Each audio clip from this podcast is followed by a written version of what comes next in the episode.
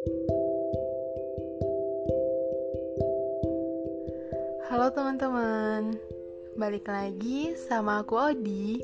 Dan seperti biasa, aku bakal bagiin tips-tips dan informasi menarik buat teman-teman semua. Nah, di episode kali ini, aku mau bahas beberapa hal yang harus kamu pikirkan sebelum kamu mengira bahwa kamu salah jurusan Menentukan jurusan kuliah adalah tahap awal dalam menentukan masa depan.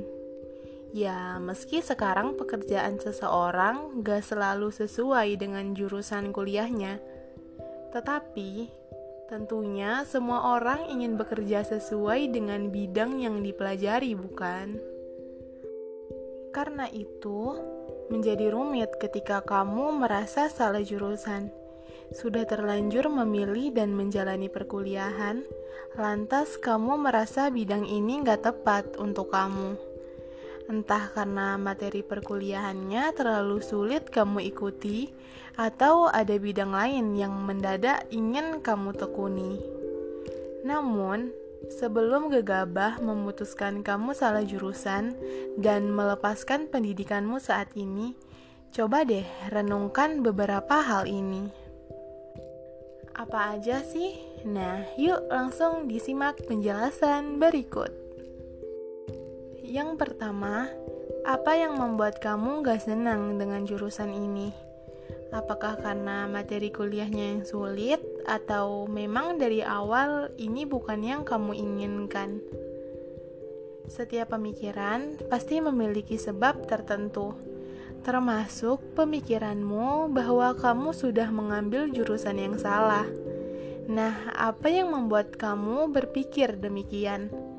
Apakah dari awal kamu memang sudah punya pilihan sendiri, tapi terpaksa mengambil yang ini karena satu dan lain hal? Atau karena setelah kamu menjalani perkuliahan, kamu merasa kesulitan di mata kuliah tertentu, hingga kamu merasa nggak mampu?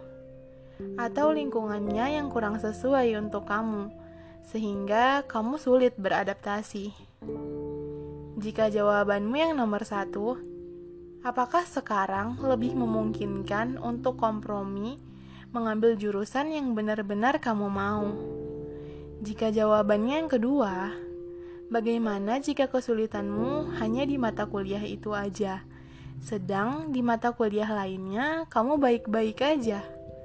Dan jika jawabannya yang ketiga, bisakah kamu menjamin jurusan lainnya punya lingkungan yang lebih sesuai untuk kamu? Yang kedua, jurusan apa yang menurut kamu tepat dan mengapa kamu pengen di situ? Apakah itu benar-benar asli keinginan kamu? Saat kamu merasa berada di jurusan yang salah, Coba cari tahu jurusan apa yang paling tepat untuk kamu. Setelah ketemu, pikirkan lagi mengapa jurusan itu kamu nilai tepat untuk kamu. Apakah dari awal memang kamu ingin di situ? Apakah kamu yakin kamu bisa lebih berkembang seperti apa yang kamu mau bila pindah ke jurusan itu? Atau mungkin karena kamu melihat teman yang mengambil jurusan itu terlihat lebih bahagia dan bakal lebih sukses dari kamu. Atau semata karena banyak teman-temanmu di jurusan itu dan kamu merasa pasti seru kalau kalian bisa kuliah bareng-bareng. Yang ketiga, meski nggak selalu membuat hatimu senang, apakah di jurusan yang sekarang bener-bener nggak ada hal baik yang bisa kamu dapatkan? Baiklah, kamu sudah tiba di kesimpulan bahwa ini bukanlah jurusan yang tepat untukmu. Tapi sebelum mengambil tindakan, pikirkan dulu tentang jurusan yang kamu ambil sekarang. Di samping rasa bukan kamu banget, apa saja yang bisa kamu ambil dari jurusan itu? Benarkah kamu gak mendapatkan apa pun yang berguna dari sana? Benarkah bahwa melanjutkan di sini hanya akan menyiksamu tanpa memberikan hal positif apa pun? Yang artinya bertahan di jurusan ini benar-benar sia bagimu. Yang keempat, terkadang rasa salah itu muncul karena realita yang gak sesuai dengan harapan.